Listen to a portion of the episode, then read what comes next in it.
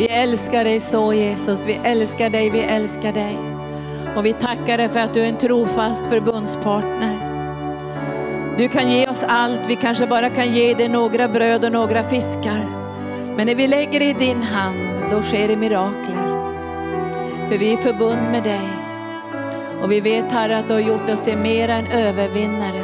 Och du sluter oss samman. Sten för sten sluter du oss samman. Och det finns inga revor i muren. För portar och murar är befästa och starka. En lovsång till dig. Frälsningens portar och lovsångens murar. Vi prisar dig Herre. Lovsångens portar och frälsningens murar. Och vi bara möter frälsning och lovsång var än vi går fram i dig Jesus. Så ta emot oss idag och ber att du lyfter ordet nu så det får tränga in i våra hjärtan. Låt det här ordet som du la i mitt hjärta den här morgonen kom bli levande för dem som lyssnar idag. I Jesu Kristi namn. Amen. Halleluja, vilken underbar dag. Vilken härlig våg av glädje som flöt fram och jag hörde direkt i Salta salmen 126 när Herren upprättar Sion, där vi som drömmande och då fylls våra munnar med skratt. Och det finns ju en ök som heter Nigevöknen där det finns mycket sådana här så att säga, fåror där det skulle egentligen rinna vatten men de är uttorkade så står det att det kom, så står det i psalm 126 att, att vattnet ska flöda i öknen i de här flodfårorna när Herren upprättar Sion. Så förvänta er ett flöde av den heliga ande, både i era egna individuella liv och i församlingens liv. När jag frågade Herren så, så, vad vi skulle, jag skulle tala idag, så det var så många olika saker som kom i min ande. Men det vi har känt den här helgen när Bengt har varit här, har han ju talat mycket om att vi ska vara ledda av den heliga ande. Och vi behöver vara ledda av den heliga ande individuellt men också kollektivt. Alltså som församling måste vi bli lyhörda att höra vad Herren säger till församlingen. Så vi kan gå åt samma håll, så vi hör samma saker. Så vi känner en enhet genom den heliga ande. Och när jag var ung så tyckte jag att det var lättare att höra från Gud på det individuella planet. Att det var ett större ansvar att höra på det kollektiva planet. Och därför så ropar vi mycket till Gud om, om att ledarskap i arken ska växa till så vi kan höra på det kollektiva planet. Och jag, jag, Bengt gav ju ett bibelställe igår ifrån Apostlagärningarna 20.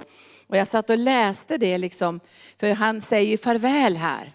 Alltså han har ju rest runt till alla församlingar och, och arbetat som apostel och grundat församlingar. Och ni vet ju att nästan alla de här första lärjungarna dör ju martyrdöden. Alltså de är, de är väldigt så säga, frimodiga att föra ut evangelium. Och, och, Paulus han har ju som ett avskedsord till, till den här församlingen i Efesus, men han åkte ju till massor med församlingar. Så han säger ju då i kapitel 20 så talar han om, om att han är bunden i anden. För de försöker ju stoppa honom att åka upp till Jerusalem. Men han säger, jag väljer inte min väg utan, utan jag är bunden i anden. Men så säger han, jag vet vad anden har sagt. Och anden sa ju saker till honom som kanske du och jag inte vilja, skulle vilja höra. Anden har ju sagt till honom så här, han säger i vers 22, jag reser nu bunden i anden till Jerusalem utan att veta vad som ska möta mig där. Men jag vet bara att den heliga ande i stad efter stad vittnar att bojor och lidanden väntar mig. Alltså det är ett profetiskt ord om framtiden. Men de som lyssnade på det här, de hade en annan tanke. Nej men akta dig Paulus. Tänk på dig själv nu. Du får ju ta det lite lugnt nu. Och du får ju, de, de grät och försökte stoppa honom. Men så förstår de ju att det här ingår i hans kallelse. Att han måste gå på den här vägen. Och då säger han de här fantastiska orden, att jag är bunden i anden. Och så säger han i vers 24, men jag anser att mitt liv inte är värt någonting för mig själv. Alltså han lever inte för sig själv för att det ska eh, ha sitt eget i första hand, utan han, han lever för Jesus. Han säger, för jag vill bara fullborda mitt lopp. Och, det, och den uppgift jag har fått av Herren Jesus, att vittna om Guds nåds evangelium. Och så säger han i vers 32, och nu överlämnar jag åt er nu överlämnar jag er åt Gud och hans nåderika ord som har makt att bygga upp er och ge er arvet bland alla som helgas. Men så säger han någonting som jag ska bara lyfta fram idag i vers 28. Han talar till ledarskapet, han talar till de som har ansvar. För nu kommer inte han längre att göra de här sakerna som han tidigare har gjort, men han talar till det ledarskap som finns. Så säger han, ge akt på er själva och hela den jord där den, som den Ge akt på er själva och hela den jord där den heliga ande har satt er som ledare till att vara herdar för Guds församling som han har köpt med sitt eget blod. Ge akt på er själva och hela den jord som den heliga ande har satt er som ledare att vara herdar för Guds församling som han har köpt med sitt eget blod.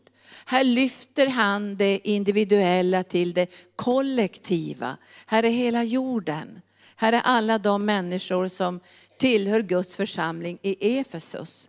Och så säger han, för jag vet att när jag lämnar er så kommer rovlystna vargar att tränga in bland er och de kommer inte att skona jorden. Ja, bland er själva ska män träda fram som förvränger sanningen för att dra över lärjungarna på sin sida.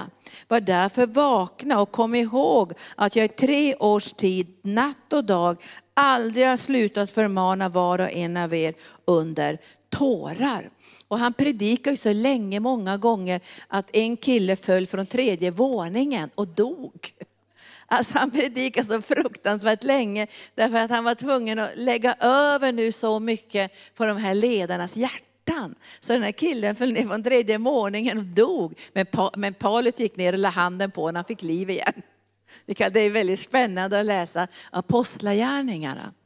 Och för att en församling ska fungera så, så, måste man inte bara höra för sig själv, man måste höra för församlingen. Oavsett i vilken funktion man är. Sen finns det ledare och herdar som har större ansvar. Men alla församlingsmedlemmar måste lära sig att lyssna vad Herren säger till församlingen och sen till församlingarna.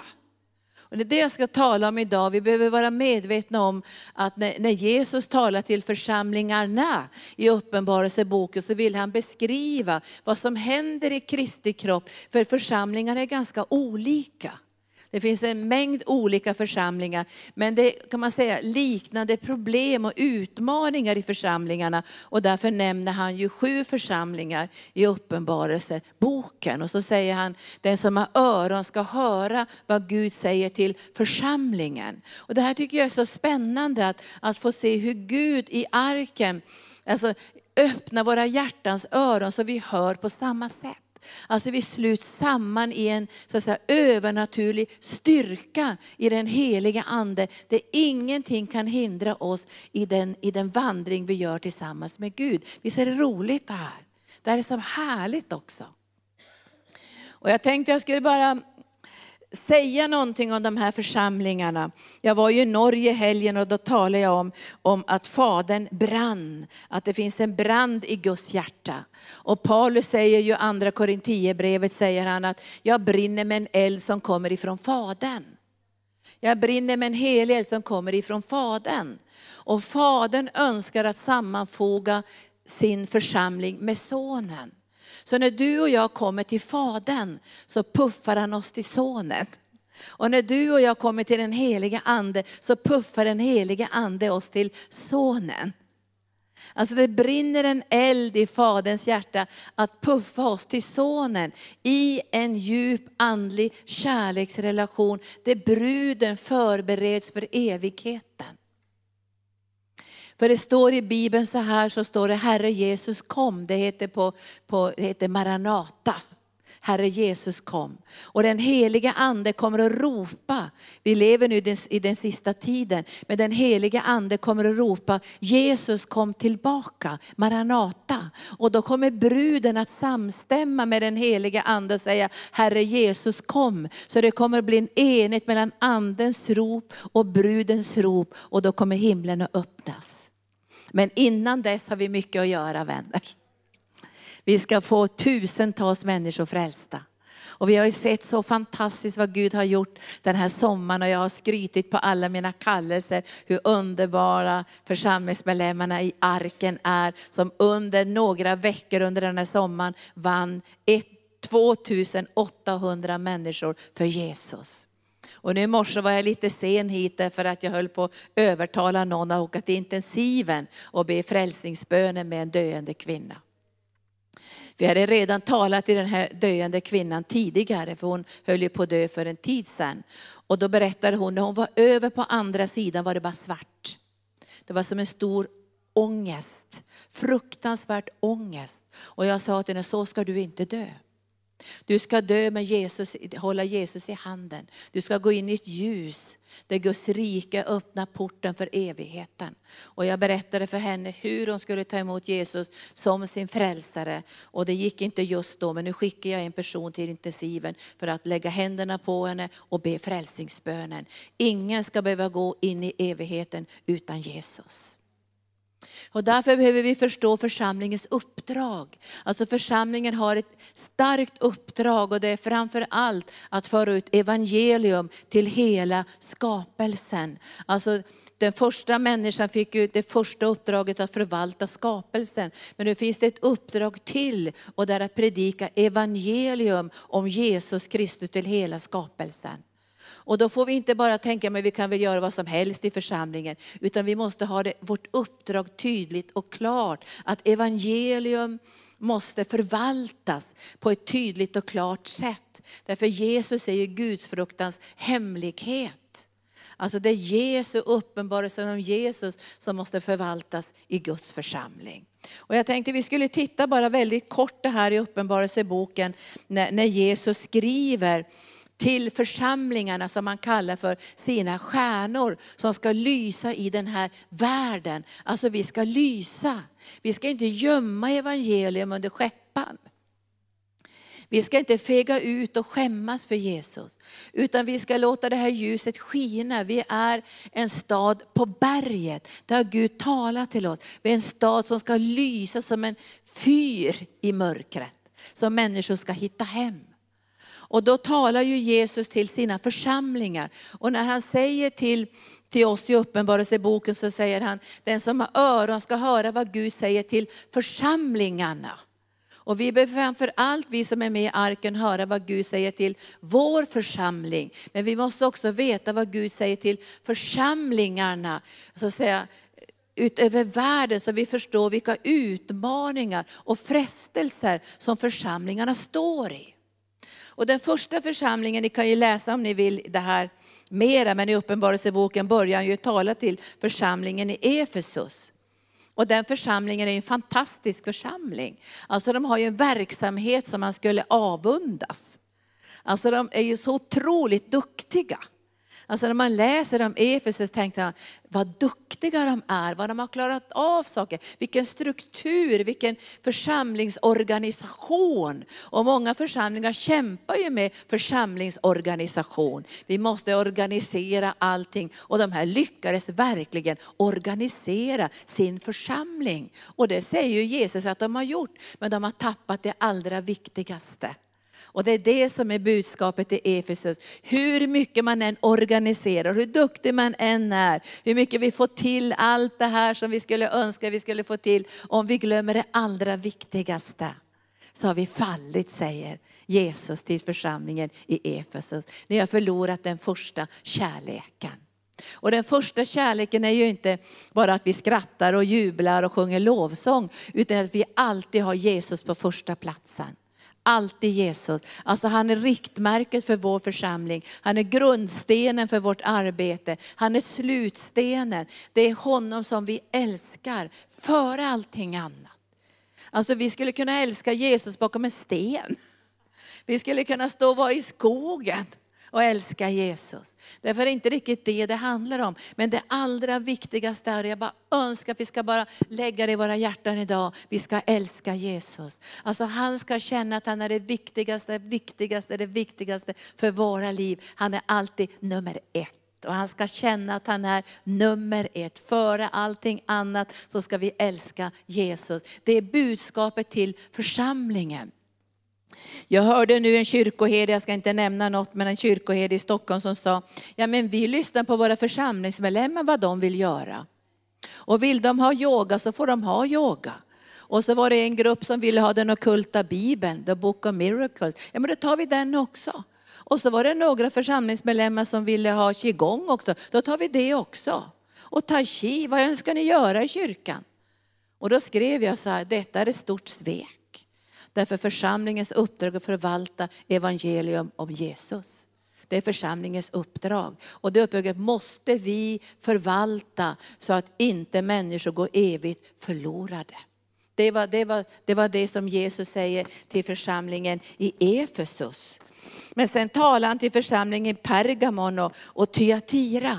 Pergamon och Thyatira är församlingar som vi ser ut över världen, som har öppnat upp för avgudadyrkan, som har öppnat upp för ockultismen, som har öppnat upp för sexuell orenhet. Det är två av sju församlingar. Alltså vi måste se, det här händer i Guds församlingar. Det här är varningsord som kommer ifrån Guds hjärta. Att, att han säger, det här har ni öppnat upp för. Men i alla de här situationerna så finns det alltid hopp. Och så säger han, om ni gör bättring, om ni övervinner och så kommer löftena.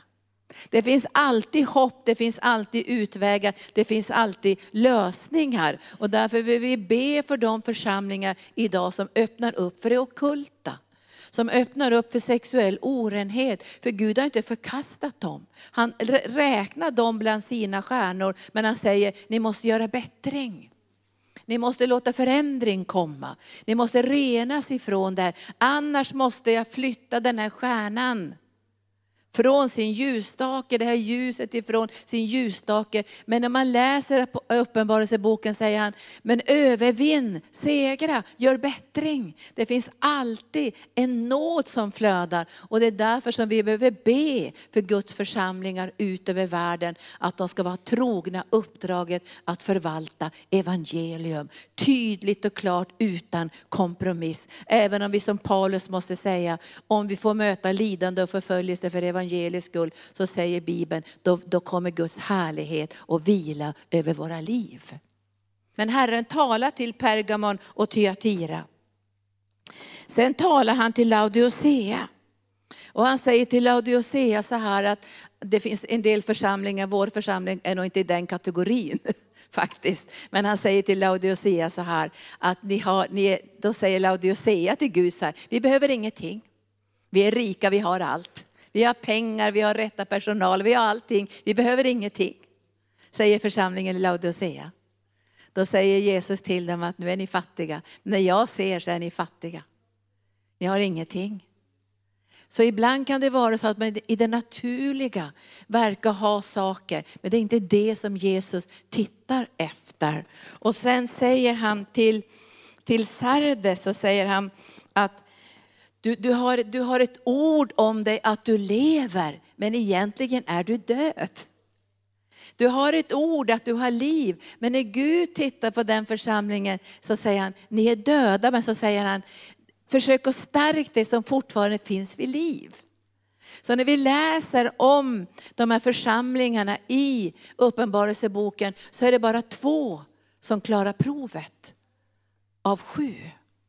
Så vi ser alltså det här profetiska, att församlingarna är utsatta för fruktansvärda attacker ifrån mörkrets makter till att bli ljummen, till att bli självsäker, till att öppna upp för okultismen, till att ha Jesus på tredje, fjärde platsen. Så vi behöver be för Guds församlingar ut över världen. För det är bara Guds församling som kommer att vara räddningsplatsen för människor i den sista tiden. För allt kommer att skaka. Allt kommer att bäva. Men Gud har omsorg om sin församling. Och då läste jag om de församlingar som han lyfte upp och de var ju av ett annat slag. Han talar om församlingen i Smyrna. Smyrna församlingen så säger han till Smyrna så här, jag ser att du har mycket lidande och jag ser att du har mycket fattigdom. Men så säger men du är rik. Det fanns något annat där. Han säger, ni är rika. Och hur kunde han säga till en församling som, som var både fattig och utsatt för lidande, de hade gjort sig totalt beroende av Gud. Och när jag satt med, med Bengt i, igår så satt vi och pratade om Vitryssland. Och då fanns det, den är fortfarande en väldigt stark, stark församling där som köpt, de köpte en lagård. En stor lagård. De fick inte godkänt att vara i den där lagården. Och, och ledarna i landet tog dit alla bulldozers för att meja ner den där lagården. Och det var en ganska stor församling då, den kanske var 300-400 medlemmar. Och de, skulle, de kom ju alla de där bulldozerna mot den här kyrkan. Och då sa de så här, vi tänker inte ge oss. Vi har inga pengar, vi har inga kontakter, vi har ingenting, men vi har Gud. Och de här gamla babuskorna var ju först på plats och sa, vi fastar till döds, sa de. Vi fastar till döds. Det finns att läsa om där, det heter The Church in the Cobarn. Pastorn heter Vlada. Så, för, men, men så ska jag berätta hur det gick då. De här, de här äldre då, de klarade kanske av några veckor så började de ju tuppa av och så här och blev döende så att de fick åka dit med ambulanserna och hämta dem. Men det blev fler och fler som låg i kyrkan dag och natt och fastade och sa, vi ger oss inte. Och det som hände var att det här gick över hela världen. Så människor började komma från hela världen och la sig där på golvet och fastade och bad. Så ledarna i landet fick dra sig tillbaka. Och kyrkan står kvar idag. Vet ni, de fick en sån framgång. Alltså jag var där och predikade nu för något halvår sedan, ett år sedan. Och det var nästan tusen människor i varje möte. De har den starkaste evangelisationssatsningen, tycker jag, i den här staden. De är frimodiga, de övervinner. Men de hade fruktansvärda attacker. Man skulle kunna säga att de var som Smyrna. De var fattiga i det naturliga, de var lidande i det naturliga, men de hade litat på Gud och de bröt igenom. Och jag frågade, var det någon av babusjkorna som dog då? För de var ju först och fastade när Gud hjälpte var och en och de klarade sig. Men det kom folk från hela världen och stod vid deras sida. Församlingen i Smyrna. Den församling som i det naturliga inte hade någonting med världens ögon, men genom Guds ögon hade de allt. Och sen talar Herren till församlingen i Philadelphia. Och han säger så här, din kraft är ringa, säger han. Du har inte så mycket kraft i det naturliga. Men så säger han, jag ska öppna en dörr i himlen som ingen kan stänga. Tack Jesus.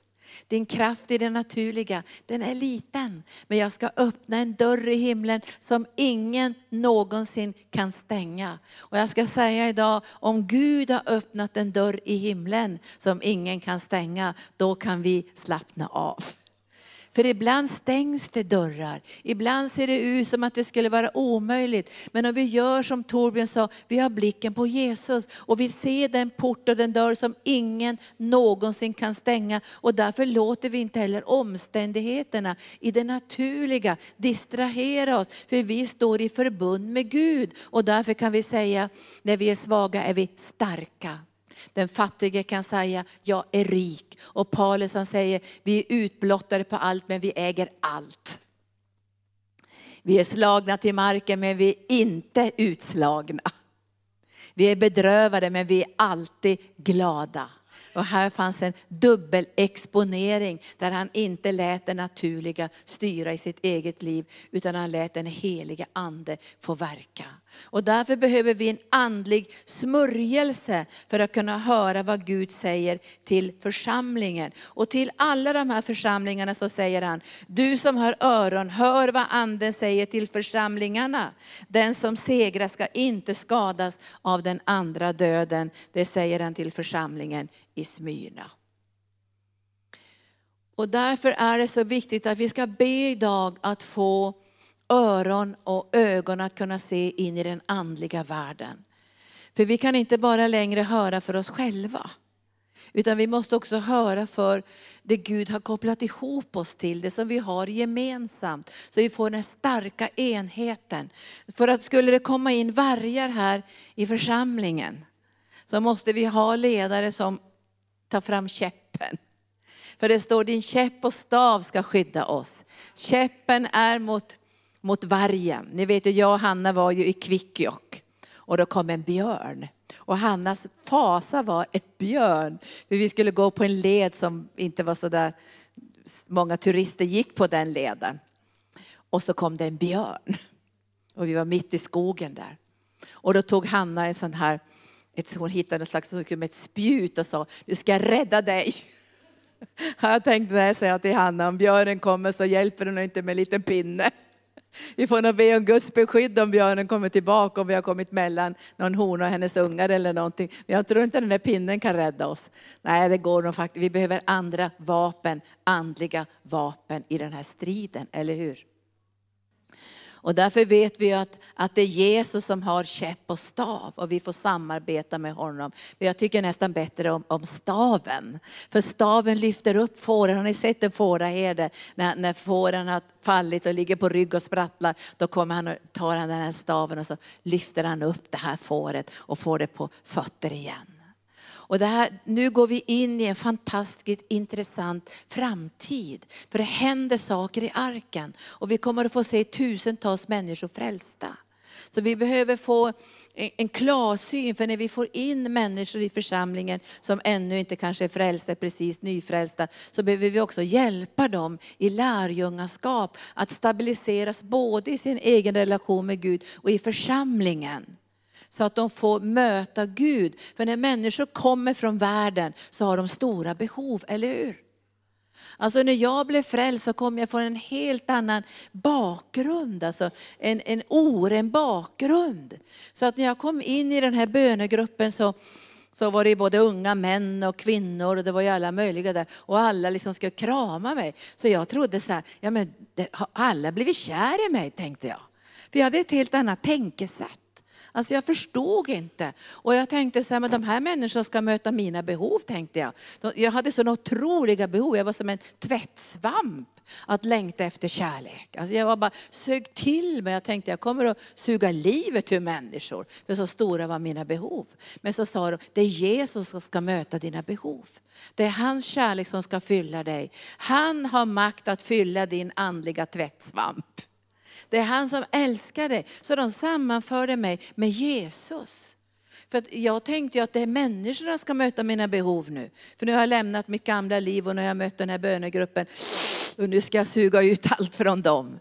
Men de sa, nej men du ska söka Jesus. Du ska fråga Jesus. Han ska möta dina behov. Och sen ska vi stå samman med dig. Nu var ju det här bara en bönegrupp. Men vi är en stor församling. Och vi kommer att få mängder med människor frälsta som har sådana otroliga behov. Och vi ska sammanföra dem med Jesus. För vi är inte källan. Men vi är de som som vägleder, som riktar, som säger, här är källan, här är Jesus. Han ska möta dina behov. Och när de behoven blir mötta så blir det ett överflöd som vi kan ge till andra. Men vi kan inte ge någonting från våra liv som inte är ett överflöd. Och därför behöver vi ha öron för att höra vad Gud säger till församlingen. Och häromdagen så gjorde vi en helighetsproklamation i bibelskolan. Vi tänker inte låta okultism och orenhet komma in i församlingen Arken. Det är två församlingar, men det kan vara, två är bara en symbolisk siffra. Men vi har sagt nej till det.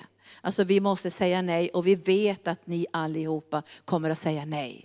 Till avgudadyrkan, sexuell orenhet och österländsk andlighet. Vi kommer att säga nej till det, för vi har gjort en helighetsproklamation i kärleken till Jesus. Jag vet att ni också vill som oss som ledare ha Jesus först. Alltså det är inte organisation och det är inte jätteduktiga saker. Vi vill att det ska vara jättebra organisation. Vi vill att alla ska vara på sin plats. Vi vill att allt ska fungera liksom så det ska vara ett flyt. Men vi vill ändå säga att Jesus är nummer ett. För jag minns när jag var ung så, så sa jag till Gud så här, om, jag, jag må, han sa så här, tjänar du mig villkorslöst Linda, sa han.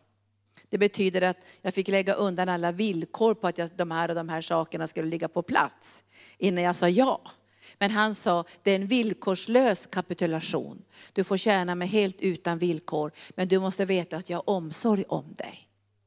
Att det var det som han sa. Men jag, jag kom till en plats där jag sa så här, ja men Gud jag kan tjäna dig bakom en gran. Alltså jag kan tjäna dig med knäckebröd om jag bara får lite pålägg.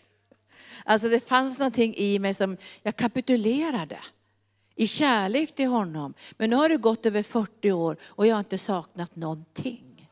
Alltså det är ett sånt mirakel att jag inte saknat någonting. Och jag tänkte, men jag hade ju ingenting från början, men det var som att Gud gav guldkant på allting. Och ibland tänker jag tillbaka på Jesusfolkstiden. Ibland saknar jag det här enkla. Va? Vi gjorde någon enkel soppa och så tog vi ner några potatisar vi tryckte ner där. Och så tänkte jag, åh vad gott! Det var så, så fantastiskt. Det var som guldkant och smörjelse över det. Så vi upplevde aldrig att vi inte hade tillräckligt. Därför det var som att Gud välsignade det som han hade förmedlat in i våra liv. Så jag måste säga efter drygt 40 år, Gud är trofast. Han har aldrig svikit, han har aldrig övergett. Jag har aldrig stått där någon gång och sagt, nu har jag ingenting. Men jag har kunnat säga så här, nu är jag fattig Gud, men du är rik. Nu är jag svag, men du är stark. Och så har den här övernaturliga dimensionen kommit. Och därför kommer vi aldrig att komma till en plats där vi kan säga, vi är så duktiga, vi behöver ingenting. För Gud sa till oss när vi startade arken, eller grundade arken, så sa han, ni kommer att vara som Gideons armé. Så läs gärna om Gideons armé. Utmaningar är större än de människor vi har med oss. Du vet Gideon, han fick säga ni kan gå hem ni som har fruktan och ni som inte vill ansvara. Till sist hade han så få kvar så det var omöjligt att vinna över denna gigantiska armé av fiender. Men Gud gav en övernaturlig smörjelse och instruktion och de vann seger. Så vi kommer aldrig komma till den platsen där vi kan säga, nu har vi allt och nu behöver vi ingenting, vi har massor med pengar på banken.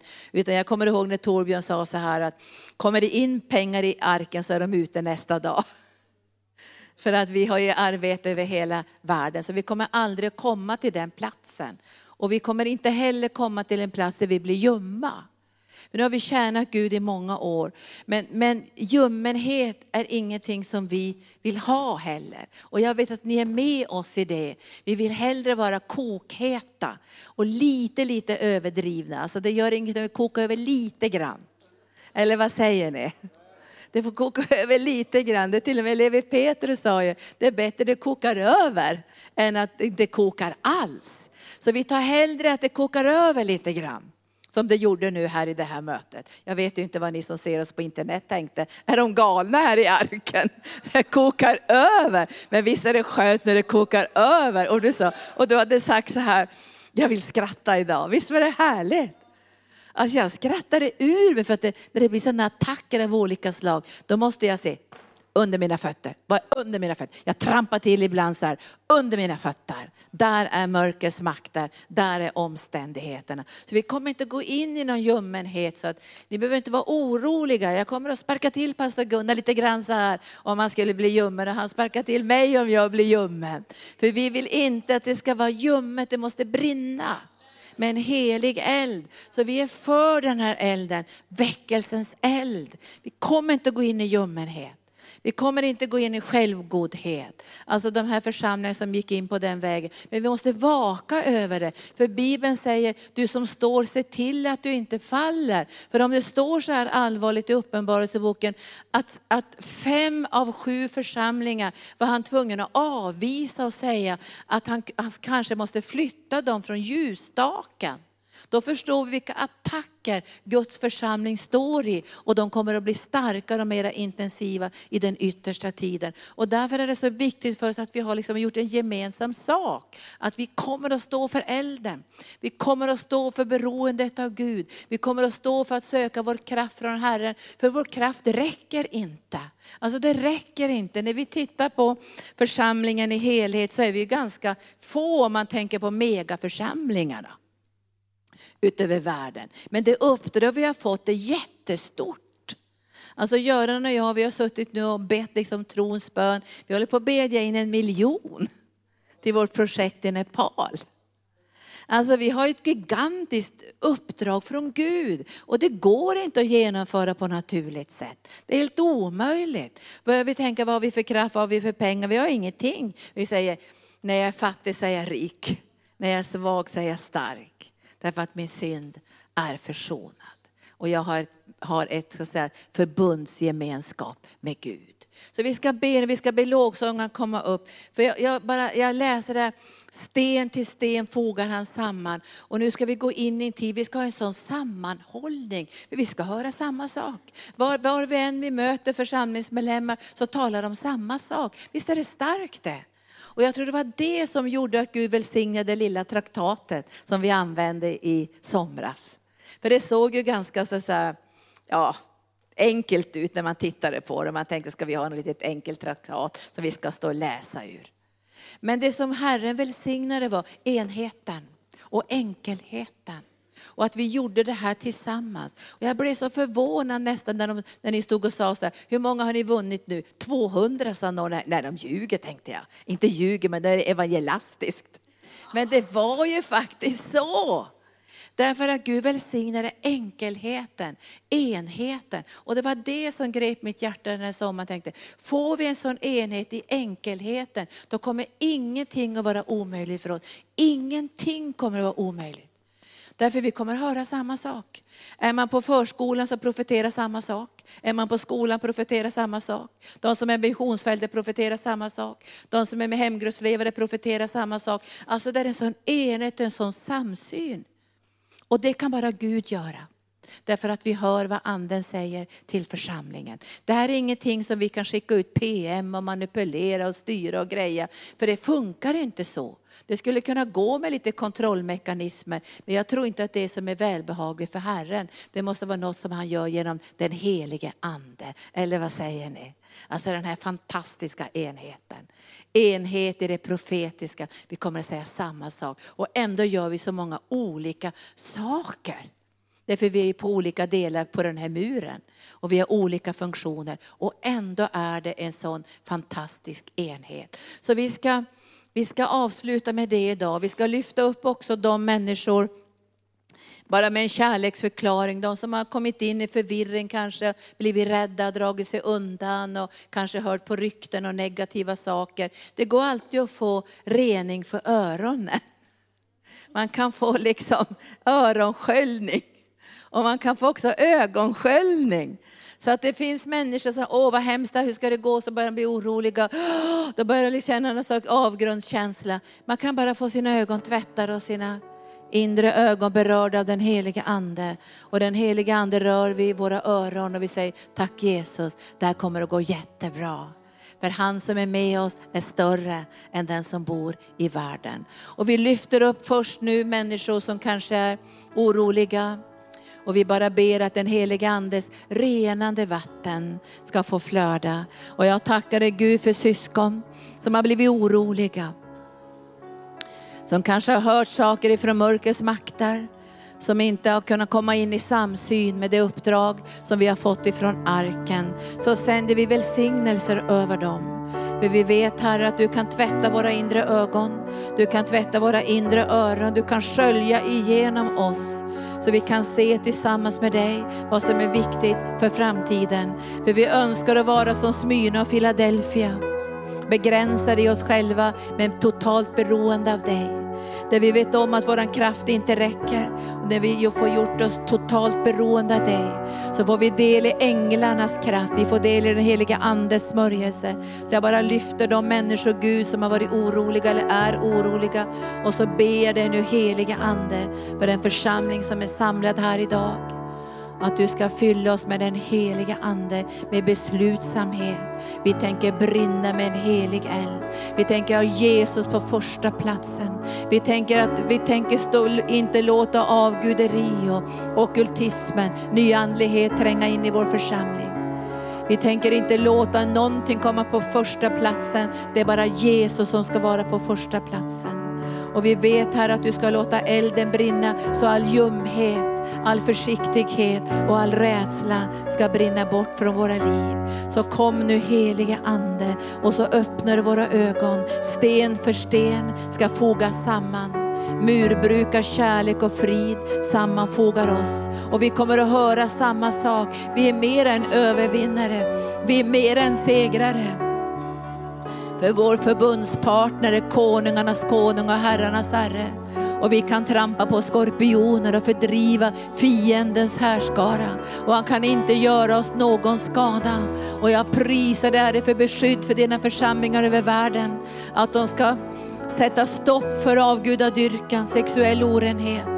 Att de ska stänga dörrarna till allt som har med mörker att göra och förvalta evangelium i totalt beroende av honom som har gett sitt liv på Golgata kors. Så kom med heliga Ande.